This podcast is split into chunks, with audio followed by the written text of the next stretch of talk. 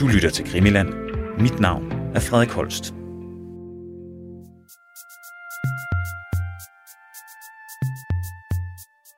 Velkommen til denne uges udgave af Krimilands sommerserie, hvor vi vender tilbage til et tidligere tema her i Krimiland, nemlig mordet på Olof Palme. I en serie, vi kalder Palme Genbesøgt. Mit navn er Frederik Holst, og jeg er din vært, når vi i samarbejde med historiker Anders Aarhus forsøger at tage fat på forskellige dele af efterforskningen af et af historiens mest mystiske mor. For mordet blev aldrig opklaret, og efterforskningen har stået på i mere end 30 år og affødt afskillige kommissioner og teorier. Og det er blandt andet nogle af de teorier eller spor, som vi kigger nærmere på i dag. Vi har tidligere set på de alene agerende gerningsmænd, der uden sammensvorene er blevet mistænkt for at stå bag mordet. Og i sidste afsnit kiggede vi nærmere på nogle af de spor, der kunne trækkes til mulige sammensværgelser inden for Sveriges grænser. Så i den her uge ser vi nærmere på nogle af de spor og muligheder for sammensværgelser uden for Sveriges grænser i et afsnit, vi kalder Fremmede sammensværgelser. Og inden vi starter, så riser Anders lige op, hvor han mener, det er værd at kigge hen, og hvad der kan være fællestræk imellem dem. Og så forklarer han også lige, hvorfor der er et spor, som vi ikke kommer til at tage fat på. Jeg synes, der er, tre, som der i varierende grad er så meget indhold i, så de, de er værd at gå i varierende grad i dybden med. Der er apartheidstyret i Sydafrika, hvor Palme var en af, hvad hedder det, de højst profilerede modstandere af det styre. Så øh, er der en vis forbindelse til Mellemøsten, primært Israel og Palæstina-konflikten, hvor at øh, Palme sådan igen var en eksponent for, at et i og for sig i den sammenhæng fremmed land, et europæisk land, tog øh, aktiv part i øh, en indre konflikt i en anden verdensdel. Og i det her tilfælde, så er det de forbindelser, der var mellem øh, det svenske socialdemokrati øh, og øh, palæstinenserne, PLO, jeg siger Arafat, som der måske er nogen, der kan huske. Vi vender tilbage til det lidt i detaljer. Og så til sidst så en mulig forbindelse til, øh, til Amerika, til øh, de modsætningsforhold, der havde været i perioder mellem øh, primært Palme som person, og så øh, amerikansk udenrigspolitik øh, i perioder. En del af det kunne der anse jo noget, der var slut på det tidspunkt, hvor Palme blev myrdet, men Vietnamkrigen, Olof Palmes meget stærke markeringer i forhold til Vietnamkrigen som modstander, øh, og så sådan i bredere perspektiv hele det modsætningsforhold, der var til Amerika. Og lige når vi, øh, når vi tager den her opremsning af de tre, så vil øh, nogen måske undre sig over, at der er et udlandsspor, som vi ikke kommer ind på, og som vi ikke har nævnt blandt de her tre. Ja, det, og det er mistankerne mod den kurdiske øh, terror- og løsrivelsesbevægelse PKK. Og det er jo rigtigt nok, der er ikke nogen tvivl om, at det, det er jo også et udenlandsk, et internationalt motiv, men øh, et, hvor det sådan i højere grad er skabt efterfølgende. Altså, jeg synes ikke, man kan sige, at der, var, der er ikke sådan en, en lang, indlysende historisk forbindelse, øh, som skal skitsere et eller andet modsætningsforhold mellem, mellem Palme og PKK. Det var noget, som efterforskningen i høj grad arbejdede sig i retning af. Øh, hvad hedder det? Og vi har drøftet det. Det er drøftet i et afsnit af Krimiland tidligere, så, så det, der er vi egentlig også dækket ind i forhold til PKK, at, at der, der er ikke så meget at komme i dybden med i forhold til PKK, og der er nogle særlige omstændigheder i forhold til hele baggrunden for PKK-sporet, som ikke i så samme grad handler om et øh, om, om Palmes egne udenrigspolitiske kontakter, men de handler højere grad om, øh, om terrorbekæmpelse i Sverige, for eksempel. Øh, at det er det, der er baggrunden for det. Så, så det er fint lige at få den pointe med, at PKK er ikke en del af ligningen her, så at sige. Ja, og man kan også sige, at, at nu, øh, hvis man kigger på Grænsningskommissionen, så er der vel også betænkninger ved, at man har brugt så meget tid og energi på det der. Jo, altså der, der er nogle klare forbehold i forhold til det, til det spor, som kommissionen har udtrykt, som man også godt kan læne sig op af og sige, uh, i hvor høj grad det så giver mening at betragte det som et, uh, et udenrigspolitisk eller et internationalt motiv i forhold til mordet på Palme. Men jeg synes, vi skal starte sådan lidt generelt med, hvad, hvad der er fælles for de tre forskellige spor. Fordi der, der, er en, der ligger en overordnet tænkning bagved, som så har krystalliseret sig ud i tre, de tre forskellige spor. Fordi det, det, det, man satte sig for at gøre, det var som sådan led i den almindelige efterforskning, det var at undersøge, om der kunne være nogle forbindelser fra Olof Palmes internationale profil og internationale engagement og så til mordet. Altså var, var der en eller anden meningsfuld slutning imellem det forhold, at Olof Palme var kendt højt profileret internationalt. Jeg tror faktisk, hvis man skal, skal prøve at anskueliggøre Palmes internationale profil, så på det tidspunkt, hvor han bliver myrdet i 86, så tror jeg, der var flere, lad os sige amerikanere for eksempel, der var klar over, hvad Sveriges øh, statsminister hed, end hvis man havde spurgt om, om de vidste, hvad for eksempel øh, Vesttysklands forbundskansler Helmut Kohl var det på det tidspunkt, som, som nok i dag nok trods alt er kendt, kendt af flere, Øh, også, det har så også noget at gøre med de senere begivenheder at gøre, men altså allerede dengang var Vestjylland var et meget større land end Sverige og større industrination. Øh, men, men, men Helmut Kohl var, havde ikke samme internationale profil som, som Olof Palme. Altså, jeg tror, at de eneste, der sådan kunne konkurrere med Olof Palme og måske overgå ham sådan fra europæisk politik, hvis man så spurgte folk i Japan eller Amerika eller Australien eller hvor det nu kunne være, om, om de kunne nævne nogle fremtrædende europæiske politikere, så kunne det være sådan en som Margaret Thatcher, som jo var meget kendt, i, også på grund af den hele den engelsksprogede verden, altså ligesom meget det, der gjorde engelsk af, at, øh, at England jo også dengang var, var en, en eller anden form for verdensmagt, eller i hvert fald kendt i hele den engelsksprogede verden, så var Margaret Thatcher en kendt europæisk politiker verden over. Og så øh, tror jeg faktisk, det kan jo ikke sådan, at man objektivt kan opgøre, men, men Olof Palme, så i konkurrence med Frankrigs præsident på det tidspunkt, François Mitterrand, er, altså, han, han er mere kendt, end Sverige egentlig burde tilsige. Masser, masser af andre store, rige industrinationer, deres politiske ledere har slet ikke samme internationale øh, profil, som Olof Palme har. Øh, og det har noget at gøre med, at han, altså, at han har været fremtrædende helt tilbage fra 60'erne af, men, men at det også er en interesse, noget han, i mangel af mere end aktivt udtryk, det han kan. Altså han er god til at begå sig på den internationale scene. Han, han er øh, karakteristisk, han er begavet, han er god til at tale ind i sådan en konflikt, kan man vel godt være bekendt at sige, mellem den første og den tredje verden. Altså, øh, han har brede kontaktnet i sådan nogle af de lande, der øh, øh, i løbet af den periode, hvor man afviklede kolonistyret i mange lande, altså af de, af, af de nye magthavere, så at sige, har, har han øh, en, en god kontakt til. Altså du kan opfinde folk i øh, afrikanske lande, mellemamerikanske lande, ikke sådan manden på gaden, men, men øh, en, en ansat i landets udenrigsministerium. Kan vide, hvem Olof Palme er, Øh, han var berømt. Jeg tror, det er dybest set det, det drejer sig om. Han var berømt, og han var højt profileret, og han var i en klasse, der lå lidt over, hvad man normalt forbandt med en statsminister i et land af Sveriges størrelse. Olof Palme havde altså en profil, der var kendt langt ud over Sveriges grænser, og så engagerede han sig selv og Sverige i flere konfliktfyldte forhold i kraft af ideen om Sverige som den humanitære supermagt. En idé, der får Palme og Sverige sat i de forbindelser, som kan trække de spor, som vi kommer til at gennemgå her i det her afsnit. Og dem kan man nævne modstanden mod Vietnamkrigen og hele hans tilgang til den kolde krig, der fører til CIA. Så er der Sydafrikas politiske forhold, der fører til apartheidstyret, og Israel-Palæstina-konflikten, der fører til PLO. Olof Palmes stillingtagen i de forskellige konflikter høster naturligvis Palme hedder blandt dem, der sympatiserer med hans standpunkter. Men der er jo altid to parter i en konflikt. Men det medførte selvfølgelig også, at når han var det, så havde han også fjender.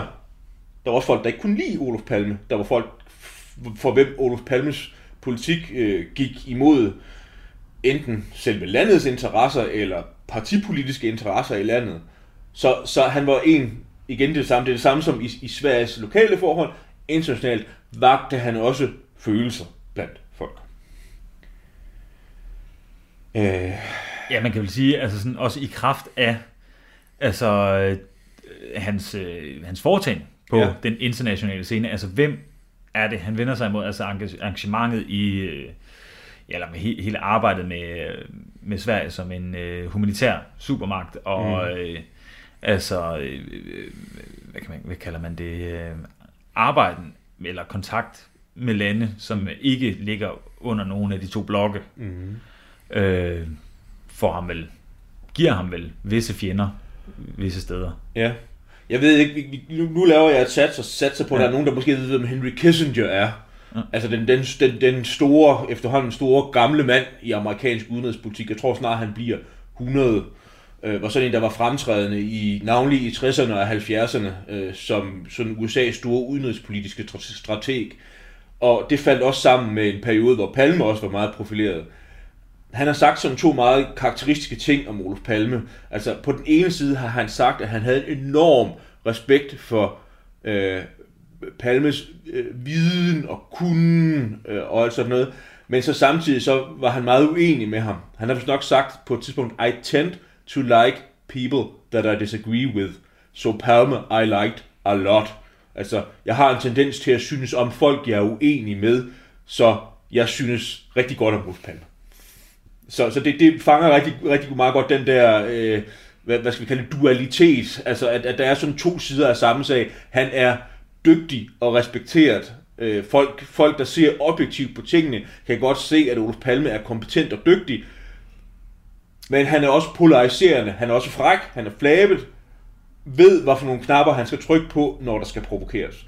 Mange af de mest kendte eksempler for det, det stammer jo fra, fra Vietnamkrigen blandt andet. Det, det det tidlige, det der, hvor Palme er utrolig dygtig til, han bliver statsminister i 69, øhm, og, og være den, der går ind i hele den der europæiske opinion, der er imod Vietnamkrigen på det tidspunkt. Der er mange af de yngre kræfter på det tidspunkt, som er kritiske over for USA's krig i Vietnam.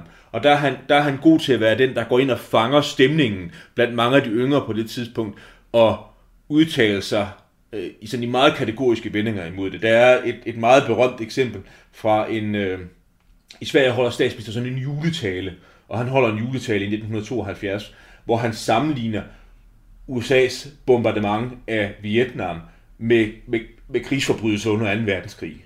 Og, og det er jo noget, der virkede enormt provokerende på det tidspunkt. At, at man laver den analogi. Og, og altså, han, han går også, der er sådan en fakkeltog i Stockholm i protest mod Vietnamkrigen, hvor han, hvor han går lige ved siden af, øh, af Nordvietnam, altså det kommunistiske Vietnam. De har en ambassadør i Moskva, som er fløjet til Stockholm for at deltage i den her optog her. Og så går Olof Palme går lige ved siden af ham, de går med hver deres fakkel. Og der findes et, et, et, et, det er selvfølgelig et billede, og det billeder kan virke provokerende, og det virker enormt provokerende, at man havde statsministeren for et vestligt sindet land, der gik i procession i fakkeltog med en repræsentant for det kommunistiske Nordvietnam, og ovenikøbet en, en officiel regeringsrepræsentant, som var udstationeret i et andet kommunistisk land. Så det, det var sådan noget, der gjorde, at han kunne virke.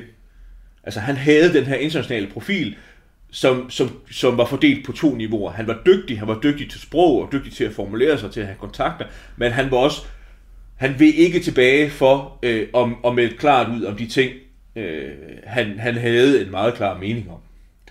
Så det var derfor, man tog fat på det analysearbejde. Det var efterforskningen godt klar over, at man kunne ikke adskille det fra mordet. Spørgsmålet var så selvfølgelig at finde ud af, om det havde en sammenhæng med mordet. Olof Palme forstår altså at positionere sig selv både gennem sine ord, men også sine handlinger. Og det var en ting, der for nogen kunne ses som provokationer. Provokationer, der skabte røre om hans politik og person, som for eksempel, når han går i antikrigsmarsch med Nordvietnams ambassadør fra Moskva. En ting, der selvfølgelig kan virke provokerende, og derfor forsøger efterforskningen at undersøge, om Palmes åbne kritik af fremmede magter har kunnet trække tråde til mordet. Det man valgte at gøre, det var, og det var, det var det rigtige at gøre, det var øh, at prøve at lave sådan en eller anden form for, på latin kalder man det for cui bono, altså hvem har gavn af, hvem, hvem, hvem kan have gavn af, at Olof Palme forsvandt fra den internationale scene. Var der nogen, han kunne have provokeret så meget, så det var nødvendigt at skride ind. Og, og der, skulle, der, var, der var selvfølgelig nogen, der skulle vide noget om, altså der, der, øh, tog efterforskningen kontakt til folk i øh, Sveriges udenrigsministerium og diplomatiske korps, som havde kendt Palme og arbejdet sammen med ham. Sverker Åstrøm, så det er en meget berømt grå eminence på det tidspunkt. Han er vist nok lige omtrent pensioneret på det tidspunkt, men sådan en, der har været fremtrædende i al svensk udenrigspolitik siden 2. verdenskrig, helt fra, fra jeg tror, han begynder som øh, fuldmægtig og kontorchef i Udenrigsministeriet, så en, der stiger i graderne af meget indflydelsesrig rådgiver skiftende regeringer. Øh, det, har, ham beder efterforskningen om, kan, kan, I, kan du ikke hjælpe os med at prøve at forstå øh, Olof Palmes internationale engagement, og prøve at se, om der er nogle sammenhænge i forhold til, at det kan have noget med mordet at gøre. Øh, så, så det er sådan, det, det er noget, man er opmærksom på. Øh, men det er svært at koble til praksis, viser det sig efterfølgende. Og det, jeg kommer med nu, det er ikke Sværke Åstrøms tolkning, det er min egen. Men jeg tror nok, det der viser sig for efterforskning, det er, at det, sådan noget, det viser sig i praksis at være helt enormt kompliceret, hvis man skal lave sådan noget. Fordi han havde det her store engagement, der var så mange lande at tage af. Han var ikke den eneste, der havde den profil trods alt. Han havde selvfølgelig sin egen serie profil, men, men det var svært, sådan svært at få en forbindelse til, hvor skal vi så gå hen i verden. Man kan lave en oversigt, og det var sådan noget, man gik i gang med. Uh, noget af det, man interesserede sig for, hvis vi skal springe direkte ud til et af de praksiseksempler, det er, det er, at man, man, man tænkte straks på den her forbindelse til Vietnamkrigen. Og, øh, også fordi, der havde jo faktisk været i perioder, så havde USA ikke haft nogen ambassadør i Stockholm. Altså på grund af de udtalelser, Palme blandt andet kom med, så trak den amerikanske regering simpelthen den amerikanske ambassadør hjem fra Stockholm, så der var ikke nogen diplomatisk forbindelse mellem de to lande. Så det havde været en alvorlig konflikt. Øhm, men, men kunne det så have noget med mordet at gøre? Så efterforskningen gik altså i gang med at skabe et overblik over, hvor Palmes tilstedeværelse, eller måske nærmere hans fravær, ville kunne være gavnligt for en fremmed magt. Og i et af tilfældene, ja, så peger pilen mod USA og derigennem CIA. Og undersøgelsen af det spor fører til en lidt kuriøs historie om en skrivelse. Og så synes jeg næsten, vi skal sådan fortælle en helt konkret anekdote om, hvad man så besluttede sig for at gøre fra efterforskningens side af, for at prøve at kaste lys over det. Og det var, at man, øh, man, man bad den, øh, en af de stedfortrædende efterforskningsledere øh, om øh, om han ikke øh, øh, kunne prøve at få et overblik øh, over øh, de mulige forbindelser til Amerika, og i praksis jo til CIA, altså amerikansk, den amerikanske efterretningstjeneste. Øh, og det han så satte sig ned og gjorde, det var, at han øh, lavede en skrivelse, som det var planen skulle sendes til den amerikanske regering, via den amerikanske ambassade i Stockholm, altså simpelthen sådan en officiel skrivelse fra efterforskningen til øh, repræsentanter for et andet lands regering, og det han satte sig for at øh, få med i den her skrivelse her, det var øh, at stille sig nogle meget lavpraktiske spørgsmål om CIA. Ja, og det, det, det der er med de her spørgsmål, det vidner også om en svensk ordentlighed. Og en forventning om ordentlighed i andre lande. Eller uden for landets grænser. Det har du ret i. Det, det, det, ikke... det vidner nok som en, om, som en, en, en vis sådan lidt rørende, naiv, ja. øh, naiv objektivitet i, i Sveriges officielle svenske embedsmænd om hvor, forskning om, hvordan verden fungerer. Fordi han, han stillede øh, i alt ni spørgsmål. Jeg, jeg, jeg har ikke tænkt, at vi skulle referere dem alle sammen, men vi tager nogle af dem. Det første og fremmeste spørgsmål, han, han stiller, det er, øh, hvilken relation CIA har til øh, den amerikanske regering, øh, og så skriver han det amerikanske parlament, altså så i praksis senatet og repræsentanternes hus. Sådan helt, mm. er CIA en administrativ, administrativ er, de, er de fri enhed, eller er de under politisk styring? Øhm, så er det, det, det tredje spørgsmål, det er, hvad, hvad er CIA's primære opgave i dag, og hvordan er CIA's øh, virksomhed organiseret? Mm. Ja, ja, det er også ja. meget... Øh... Ja. Hvordan, så det fjerde spørgsmål, hvordan så USA på Sverige og svensk politik ved tidspunktet for mordet på Olof Palme? Øh, og så står der så i parentes efterfølgende, at spørgsmålet de bliver stillet på baggrund at de, øh, at de øh, øh, hvad hedder det, der står markeringer, som bliver gjort, bliver gjort fra amerikansk side under Vietnamkrigen, øh, altså det med, at man tilbagekalder en ambassadør og sådan noget. Altså hvordan, hvordan man havde en idé om, hvordan og hvorledes de diplomatiske forbindelser var mellem øh, USA og Sverige under Vietnamkrigen, og det man så egentlig gerne ville vide, det var, var det var det noget, man øh, havde lagt i glemmebogen øh, så mange år efter, eller var det stadigvæk sådan noget, der var en del af den amerikanske vurdering af, hvad hedder det, øh, af Sverige og svensk politik? Øh, og så er der spørgsmål 6, og det er så, om der i begyndelsen af 1986 var nogen anledning øh, for USA og øh, CIA til, og så står der sådan, det er rigtig svensk, fordi så står der mellem tankestreger, ud fra en objektiv vurdering, at øh, personen og politikeren Olof Palme udgør en øh, fare for de interesser, USA har i verden, og kunne der være en mulighed for, at øh, den fare, den kunne man få til at forsvinde ved, og så står der, øh, og rydde ham af vejen. Sådan, Helt. På, punkt, punktlige spørgsmål ja. stillet af en pligtro svensk embedsmand. Og så sker der så til gengæld det, at han har nok været lige lovlig naiv, ham der så ellers er stedfortrædende efterforskningsleder, fordi øh, efter at, at, at, at det udkast til den skrivelse så er lidt frem og tilbage mellem efterforskningsledelsen øh, og, øh, og, og SEPO og det svenske udenrigsministerium, så kommer man frem til, at ud fra en politisk vurdering, så er det nok ikke et brev, man kan sende til øh, den amerikanske regering. Det kunne, man, det, det kunne man måske godt gøre, men, men det vil ikke blive modtaget venligt, og det vil i hvert fald ikke blive besvaret. Så, så, så drejer det meget selvindsigt, man har. Men der er selvfølgelig noget interessant, som ligger bag ved tanken om i det hele taget at skrive det her brev her, og det er selvfølgelig, at det er en mulighed, man må tage med i betragtning. Jeg synes, det er øh, på sin vis... Jeg, jeg kan godt have to sandheder i hovedet på samme tid. Jeg kan godt forstå, at man, har, man skrev brevet, men jeg kan også godt forstå, at det bliver sendt. Ja. Man skulle nok have fundet en anden metode til at få de spørgsmål besvaret, hvis man kunne det. Men det vidner jo om en, en, en tankegang, som lå umiddelbart. Og altså her tidsmæssigt, der befinder vi os i, i ugerne og månederne efter mordet. Så det er sådan en umiddelbar instinktiv reaktion, noget af det, man ønsker at gøre i forlængelse af mordet på. Ja, det vidner, altså at man sætter sig ned, skriver brevet, og også det, det senere kommer. Er, er det egentlig først kommet frem med statsministermordet? Du, du, som du ja, det er Hans Gunnar Aksbergers bog, jeg, jeg ja. har læst. Nej, det er det ikke. Det, det fremgår også for eksempel af Grænsningskommissionens betænkning. Der, der nævner man også det som et, som et initiativ for efterforskningens side af. Så man har godt været klar over, at det brev, det fandtes. Okay, fordi at, der kan man jo også sige, i hvert fald brevet, brevet vidner også om, at det her med at se øh, USA og CIA som et, hvad hedder det, øh, som et muligt fjendebillede, mm. øh, ikke er grebet ud af den blå luft af folk, der øh, forsker i Palmesagen. Altså, det, det er det, ikke indbildning. Det, det er ikke ren indbildning at prøve at se den, den for, for, forbindelse.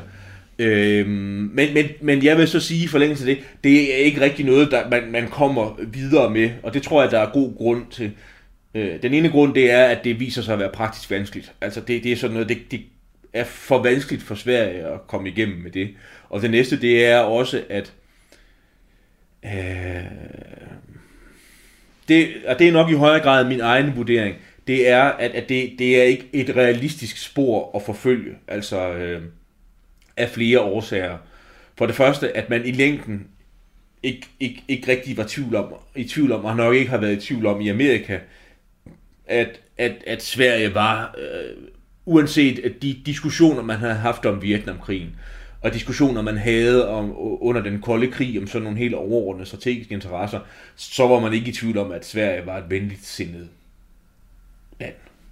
Det var det ikke. Det, det, det var et land, der var Amerika venligt indstillet.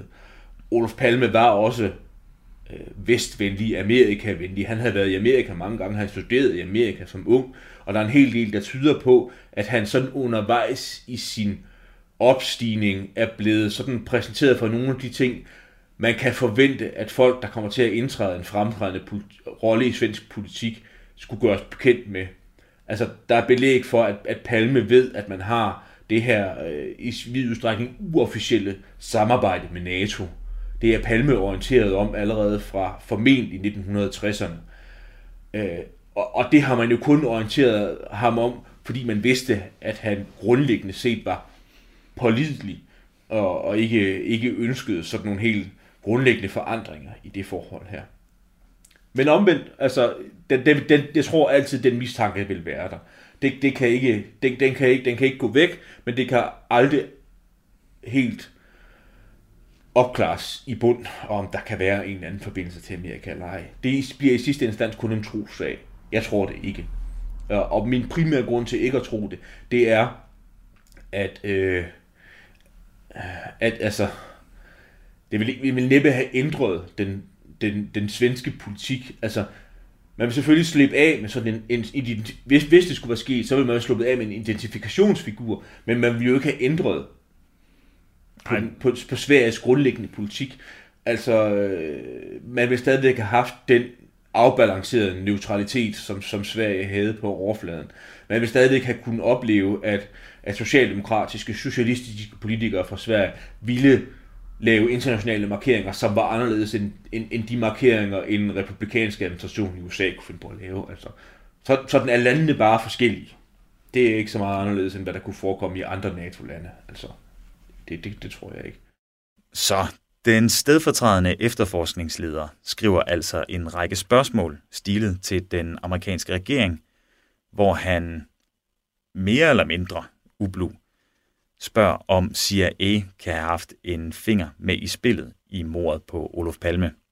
Måske en lige lovlig direkte måde at spørge på.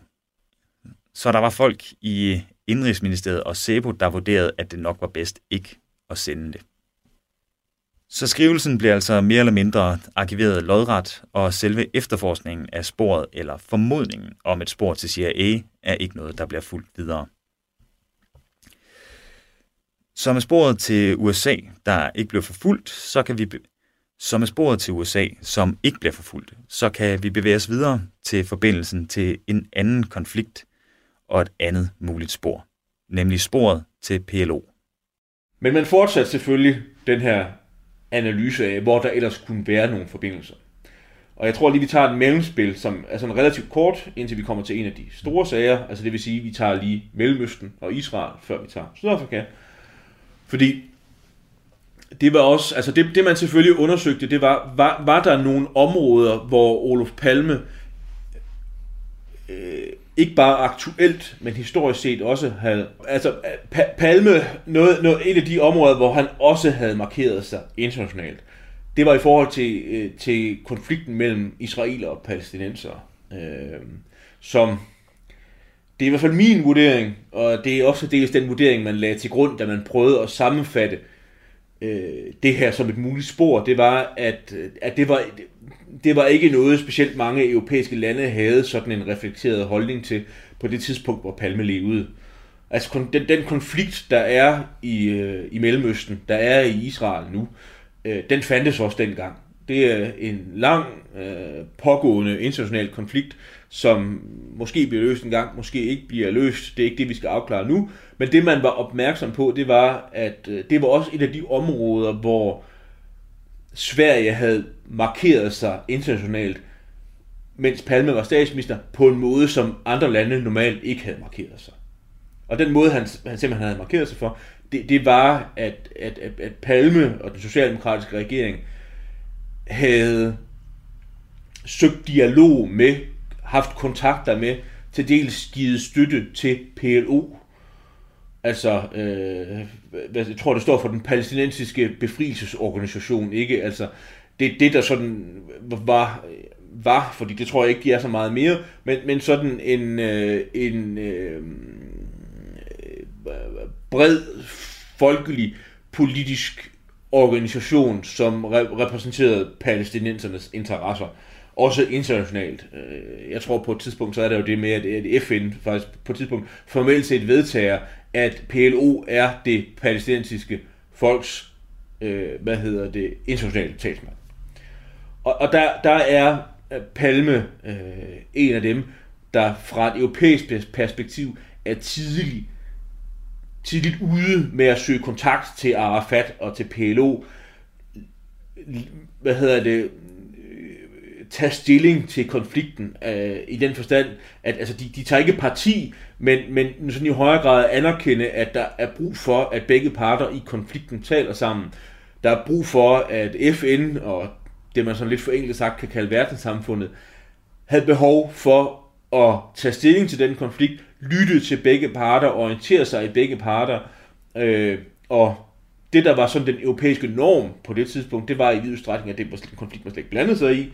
Eller også så var der sådan en traditionel, hvad skal vi kalde det, lidt ensidig orienteret israelsk vind. Altså det var mere normalt dengang, øh, at, at, øh, at, at, øh, at hvis man endelig tog stilling til konflikten, så, så var det typisk, øh, at, øh, hvad hedder det, at man ikke havde samme forståelse for palæstinensernes synspunkter, som den Palme gav udtryk for. Og det forsøgte man også at undersøge fra, øh, fra efterforskningens side af. Men, men, men, men øh, det, det, der løb man også ind i sådan nogle helt grundlæggende vanskeligheder med hensyn til, til sådan nogle internationale spor. Altså, igen forenklet sagt, hvis vi skal tage afsæt i det amerikanske eksempel, hvem, hvem skriver man til eller tager kontakt til, hvis man vil vide om et fremmed lands efterretningstjeneste laver, øh, laver eller kan være delagtig i en operation på svensk jord. Ja. Jeg ved ikke, om du har et godt bud på, hvad man vil gøre. Vi fandt jo ud af, at, man, at det der med at sende breve til et udenrigsministerium eller en ambassade, det, det, det var vanskeligt nok i sig selv. Ja, ja det, er jo ikke, det er jo ikke til at sige. Nej, og så tror jeg også, det, det, det man fandt ud af, det er nok i højere grad min egen vurdering, det er, at man fandt ud af, at der var, der var simpelthen ikke tilstrækkeligt meget at hente i det motiv. Nej, man kan, man, man kan også sige, altså sådan, øh, ud fra Palmes position i verden, og, Pal, og det hele det her øh, humanitære supermagt, altså, det er jo også en støtte, altså, på den måde er Palme og Sverige vel også en, en støtte for PLO.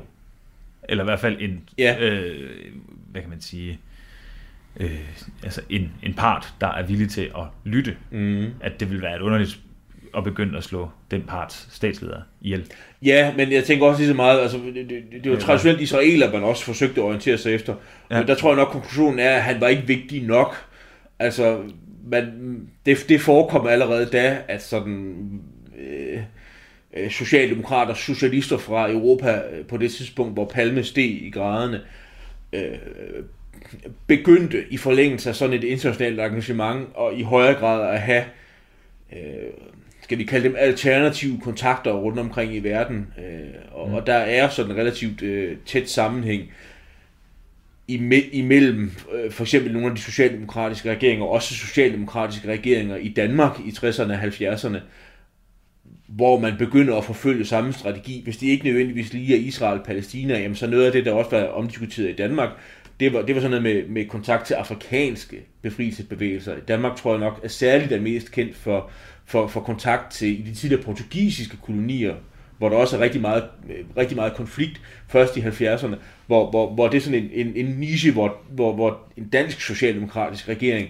begynder at blande sig i den internationale ærende. Så det, der hvor jeg vil hen, det er, at det ligger lidt i luften i den periode, af at det er simpelthen en grundlæggende forandring i verden. Det er, at øh, ligegyldigt hvor i verden der pågår en eller anden form for konflikt, så er det sådan en, der ikke kan ligge i ly af alt muligt andet på det tidspunkt.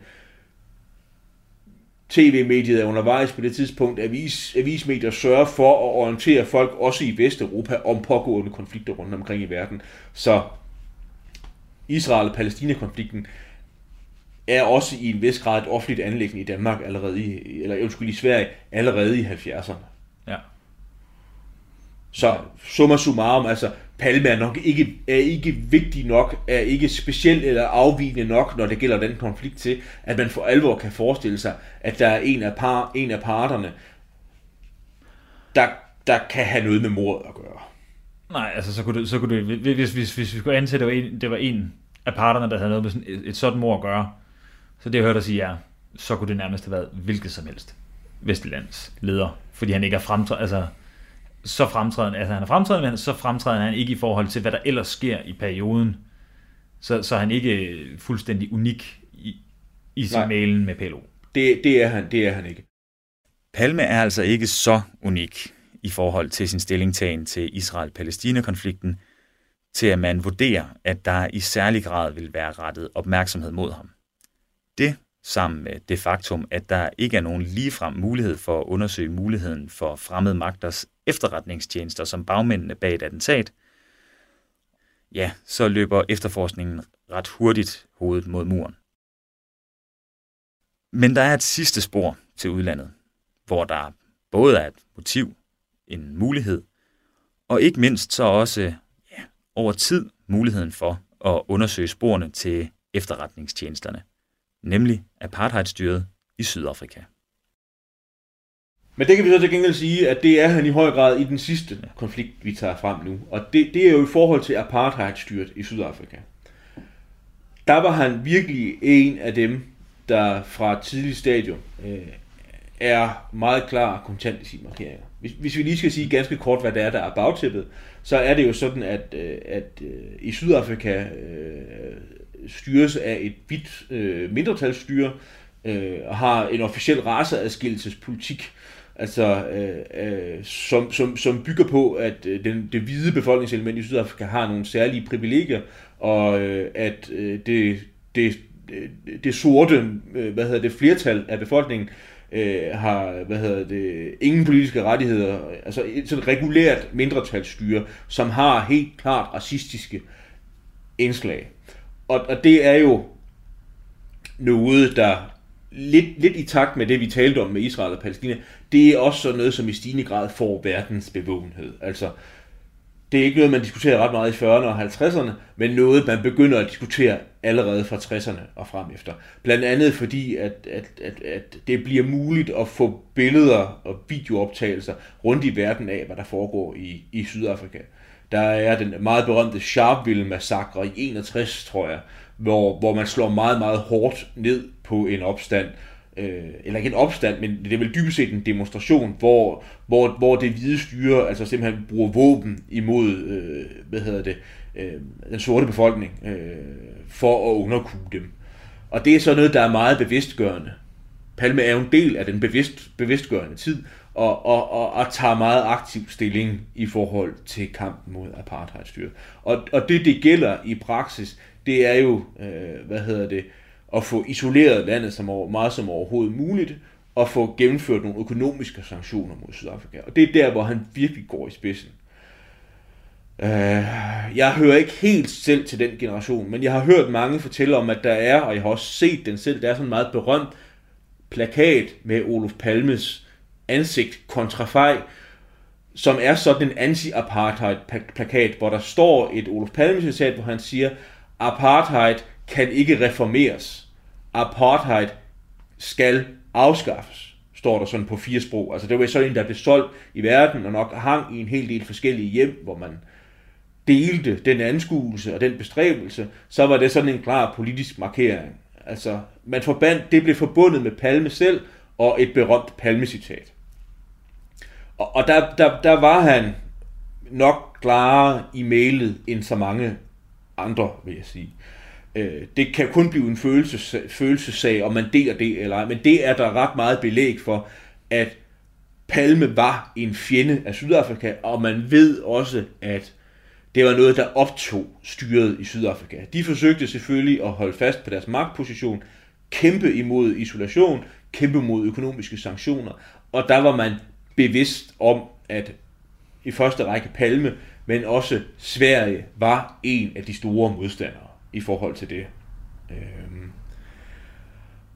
Det, det, der så er specielt, vil jeg sige, i forhold til alt, hvad der har med apartheid i Sydafrika at gøre, det er jo, at på det tidspunkt, hvor Palme bliver myrdet i 86, der sidder, der, der, der er styret der, jo der endnu. Altså, øh, det, det er øh, en, en, en suveræn øh, stat i samme position som Amerika, altså sådan nogen, hvor, hvor der øh, kontakter foregår igennem Udenrigsministeriet. Øh, der er ingen ambassadører på det tidspunkt, men man har, øh, man har stadigvæk diplomatisk repræsentation i begge lande. Øh, så, så det er jo et, et, øh, et, et fremmed land, øh, man dybest set skal se, om man kan sætte det i forbindelse med mordet på Palme. Øh, og, og der viser det sig, at man i første omgang får samme vanskeligheder. At selvom det er et af de lande, der sådan er mest oplagte, når det gælder om at søge efter en sammensværgelse, så kan det ikke undgås, at hvis man forfølger det spor, så, så vil man blande sig meget direkte i et andet lands anlægner. Altså, øh, og, og, og, og, og, hvad skal vi kalde det, fjendskabet eller modsætningsforholdet er så reelt, så hvis, hvis, hvis, hvis Sverige af diplomatiske kanaler ville forsøge at sende en forespørgsel afsted til Sydafrika om, om kan vi få noget at vide om jeres efterretningstjeneste, om jeres militær, om jeres politi, så vil man nok få øh, i diplomatiske vendinger svar tilbage, øh, at det, I kan rende og hoppe. Mm. Hvis der er nogen, der kan rende og hoppe, øh, så er det jer. Så er det Sverige. Så er det så sandelig Sverige, fordi det er sandelig jer, der i den internationale opinion har sat sig for at undergrave øh, Sydafrikas styre.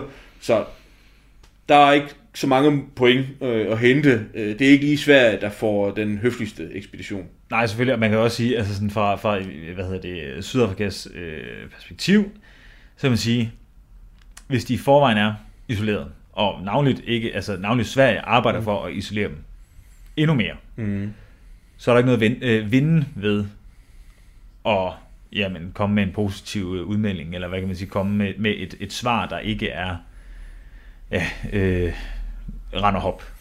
Nej. Altså, hvor havde det været måske, jeg ved det ikke, hvis havde det været USA, der havde lavet forespørgselen, også en større magt, hvor også, hvad hedder det, øh, man så jo også, altså, øh, hvad hedder det, Shell-koncernen, mm. som også har hovedsæde i USA. Nej, jeg det tror, det har de nu i England og Holland. Men Nej, England, okay. Ja. Så lad os sige, hvis det var, Eng- hvis det var England, der ja. lavede forespørgselen, hvor Shell handlede jo i lang tid med mm. Syd, øh, Sydafrika. Mm-hmm. Kunne man så tænke, der havde været en større, lidt større velvilje? Der var nok lande, der havde ja. betydeligt bedre diplomatiske Ja, ja, forbindelser det er det, med jeg ved, Sydafrika. det er Det, det. det er fuldstændig rigtigt. Ja. Og der var ikke nogen modydelser at hente. Nej, Altså man kunne, ikke- man kunne ikke forvente, altså Sydafrika kunne ikke svare tilbage, vi, vi vil gerne hjælpe jer, men det kræver så, at I nedtoner jeres engagement i, øh, i kampen mod os. Altså, ja. Det, det er sådan en gordisk knude, der ikke var til at løse på det tidspunkt. Øh, og det skabte selvfølgelig nogle vanskeligheder for, om, om, om at man overhovedet skulle komme videre af den der vej der. Ja. Øh, det, det er simpelthen sådan en helt simpel organisatorisk udfordring, som egentlig ikke, altså i de andre tilfælde, der, der er, det- er det mere simpelt, fordi det, altså USA, der kunne man måske godt have gjort det, øh, men, men, der vil det ikke være god tone i forhold til de normale forbindelser. Men forbindelser er næsten afbrudt mellem Sverige Ja, og ja, er også Så hvad skal, hvad skal man gøre, havde jeg snart sagt. Så det sted, Anders mener, der kan være mest kød på et spor, er sporet til Sydafrika. Som verden får øjnene op for apartheidstyrets handlinger mod den sorte befolkning, så bliver Palme udtalt kritiker af apartheidstyret. For med udtalelser som apartheid kan ikke reformeres, det skal afskaffes, så positionerer Palme sig selv og Sverige i nærmest direkte modsætning til apartheidstyrets magt. Men i kraft af, at apartheidstyret var i funktion i tiden omkring mordet, ja, så var der ikke mulighed for at forfølge det spor, eller et potentielt spor der. Men sådan var det kun i en årrække. Men så sker der jo noget nogle år efter, som gør, at det her ændrer sig, fordi apartheidstyret holder jo ikke. Altså det, det øh, kollapser jo gradvist mellem 1990 og 1994. Så er det sådan, at det hvide mindretalsstyre, det forsvinder, og der, og der kommer et nyt, øh, øh, hvad hedder det, øh, demokratisk styre til magten i 1994, som jo faktisk har som et af dets program, så programpunkter, det er, at, at man skal prøve at bearbejde det øh, apartheidstyret har gjort, også internationalt. Øh, det giver sig udslag i, i rigtig meget. Det, det de fleste måske kender, men som ikke nødvendigvis har så meget med det at gøre, det er, det er den der, hvad hedder den, sandhedskommission. Sandhedskommissionen, ja. Sandhedskommission, ikke det med, at man faktisk dybest set, det er som mere et internt sydafrikansk anlæggende, ikke?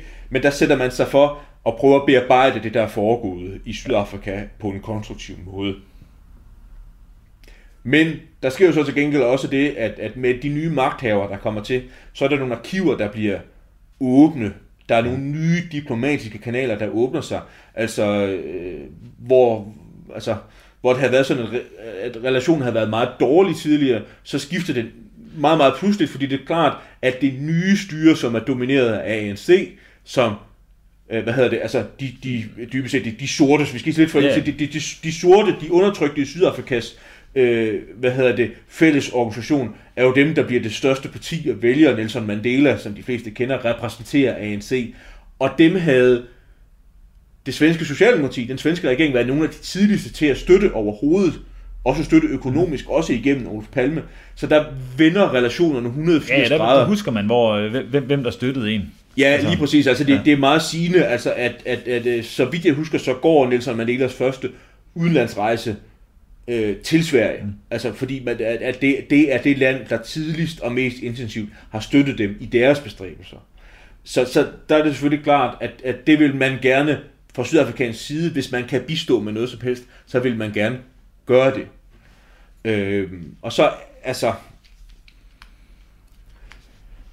Øh, hvordan skal man... Altså, det er lidt, fordi der, der der sker noget, men der sker ikke så forfærdeligt meget konkret, øh, trods alt alligevel det. Fordi der sker det, at i forbindelse med, at de arkiver bliver åbnet, og man får bedre muligheder for at, at, at efterforske øh, en eventuel sydafrikansk sammensværgelse, så altså, på det officielle plan, så sker der det, at, at, øh, at man, man giver efterforskningsledelsen mulighed for at rejse til Sydafrika og få bistand af øh, sydafrikansk politi og den sydafrikanske efterretningstjeneste. Det man dybest set siger, det er, kom ned til os, øh, vær med til at gennemgå arkiver, nævn nogle navne, nævn hvad I har, så prøver man at gennemgå det. Og der er to, Hans Ølvebo, der er efterforskningsleder, og en fra anklagemyndigheden, der er dernede, tror jeg faktisk en hel måned i 1996, altså et par år efter, at, øh, at, øh, at, at, at apartheidstyret er faldet, og der er mulighed for det, hvor man prøver at gå det igennem, man kan, men man, man, man finder ikke rigtig noget, for musik i livet.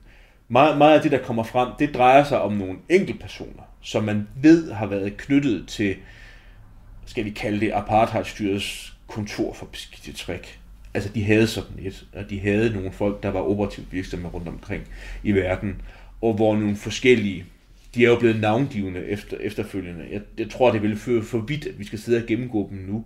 Men nogle agenter, Craig Williamson er en af de mest kendte, øh, sådan nogen, der havde, havde haft en tilknytning til øh, militære efterretningskredse under apartheidstyret, og også været nogle af dem, man, man ved havde brugt som udenlandske infiltratører. Det var faktisk noget af det, man gjorde mest. Det, det var at prøve at infiltrere fremmede landes organisationer, hvor ANC for eksempel havde kontorer, eller anti-apartheid kontorer, altså så sende, sende folk ud i verden og prøve at infiltrere de organisationer. Det var sådan, det var sådan noget, Craig Williamson han havde gjort.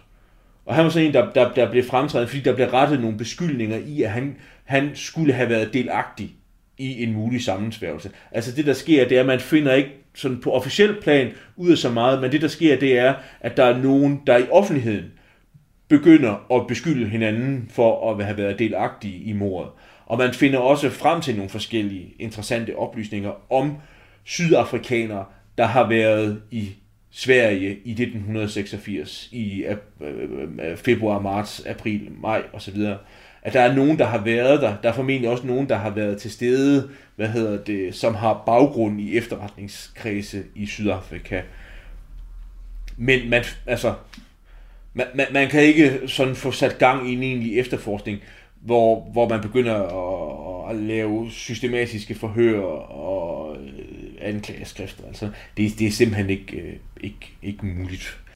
Apartheid bliver afskaffet, og i den forbindelse åbner der sig nye muligheder for at forfølge et spor til Sydafrika. For med det nye styre og dets hensigter om at bringe apartheidstyrets handlinger frem i lyset, ja, så var der lige pludselig muligheder.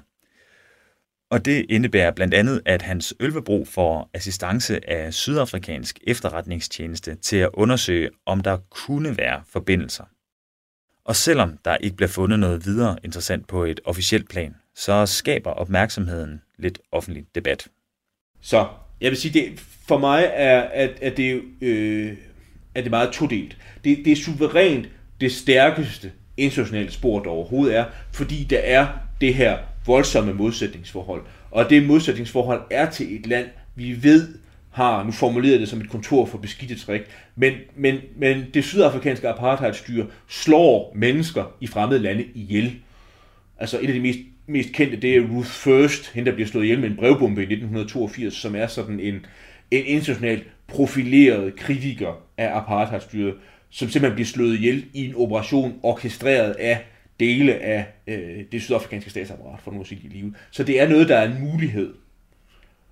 Øh, men det er svært at trænge til bunds i. Det, det, det, øh, det, det er det samme igen. Altså det, det er svært.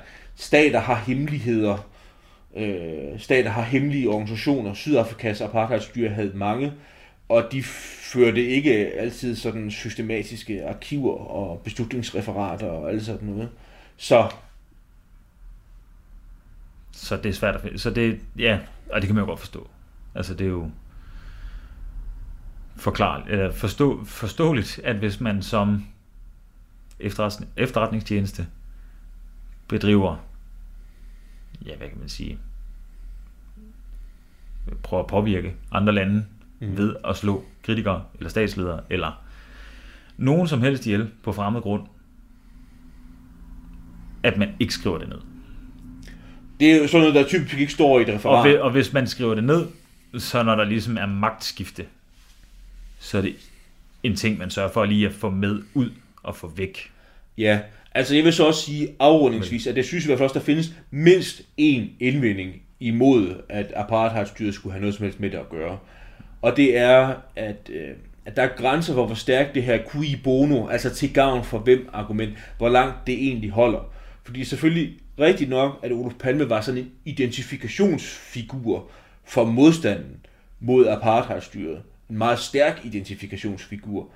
Men den svenske regering politik handlede jo ikke kun om Olof Palmes egne synspunkter. Det var en helt integreret del af den svenske regerings politik og udenrigspolitik, at man arbejdede for isolering af Sydafrika, man arbejdede for økonomiske sanktioner mod Sydafrika. Og det vil ikke have ændret sig ved, at man slog Olof Palme ihjel. Så, så dermed sagt, det, jeg tror godt, det kan forekomme, men, men argumenterne er ikke så stærke, som man sådan umiddelbart skulle tro. Ja, altså tanken er, hvor meget har, vil de egentlig have at vinde ved at slå Olof Palme ihjel? Ja, Og omvendt kan man også sige, hvor meget vil de have at tabe, hvis de slog Olof Palme ihjel, og det blev opdaget, mens de stadig, mens apartheid-styret stadig stod. det vil jo være, have været et enormt prestigetab. Ja. Altså, øh, det, er- det er sådan et, et tilbagevendende samtaleemne med det her Sydafrika. Og jeg vil i hvert fald gerne referere et, et, et argument, jeg plejer at fremlægge, det er, at så vidt jeg forstår apartheidstyret på det tidspunkt, så var det langt, langt mere optaget af, fordi man skal jo huske, det er i 86, det er meget tæt på, at der kommer nogle meget hårde internationale sanktioner mod Sydafrika. Og det man ved om styret på det tidspunkt, det er, det var faktisk langt, langt mere optaget af at påvirke deres venner rundt omkring i verden, og prøve at forhindre, at den engelske regering og den amerikanske regering medvirkede til at gennemføre sådan nogle sanktioner. Fordi så vidste man, at så ville man for alvor være ude i problemer. Så man forsøgte at lave, hvis man skal tænke sådan noget interessevaretagelse, så forsøgte man i højere grad at påvirke de positive forbindelser, man havde, frem, frem for at kaste organisatorisk kapacitet efter og skade ens modstandere.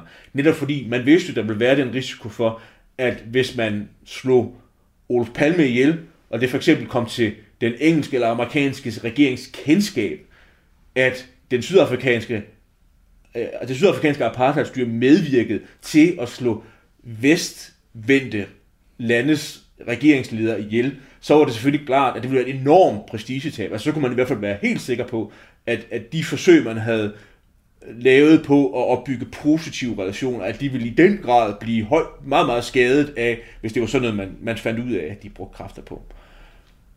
Så jeg, jeg, jeg, jeg er ikke så sikker i min, i min sag øh, i forhold til det, men, men, men det er et, øh, et, øh, et, et spændende område øh, at, at forske videre i, og det er også et, der, der dukker sådan op af og til øh, som, som, øh, et, øh, som et område, hvor der i hvert fald er spor, der nok ikke er helt efterforsket øh, tilstrækkeligt, hvad det angår.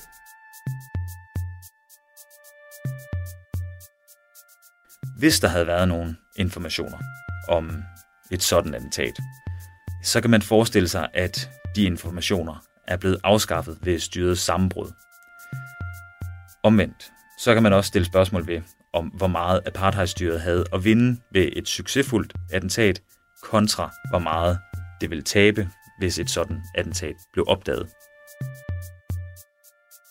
Det var, hvad vi havde plads til i denne uges udgave af Krimilands sommerserie Palme Genbesøgt, hvor vi går tilbage og samler op på informationer, kigger på nye aspekter i efterforskningen og forhåbentlig både giver ny viden til faste lyttere og gør den samme viden tilgængelig for nye lyttere.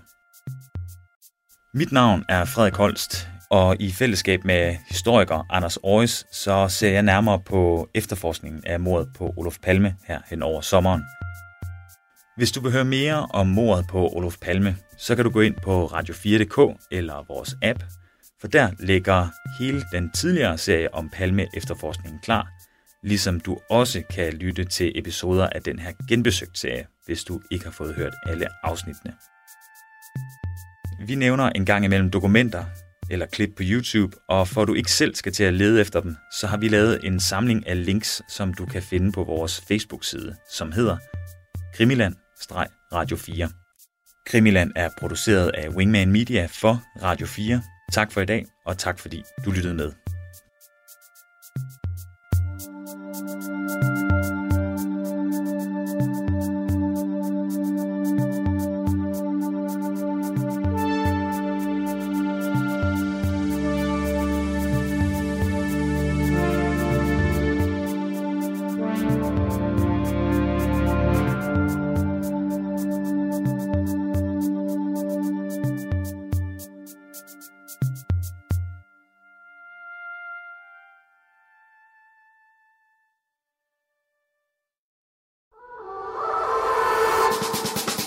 Paul George Ringo. Det er nærmest et børnerim. I årvis har man diskuteret, hvem der egentlig var den femte Beatle. Jeg synes ikke, det er helt forkert at sige, at The Beatles er en af de 20. århundredes største myter. Over sommeren sætter Beatles-nørderne Christoffer Lind og Nils Jakob Myge jagten ind på at finde den, som har gjort sig fortjent til titlen. Nu skal vi have det etableret en gang for alle. Hvem var den femte Beatle? Fra store personligheder til anonyme vandbærere, dramatiske livshistorier og tragiske skæbner. Og selvfølgelig med massevis af god musik. Lyt til jagten på den femte Beatle i Radio 4's app eller der, hvor du lytter til podcast.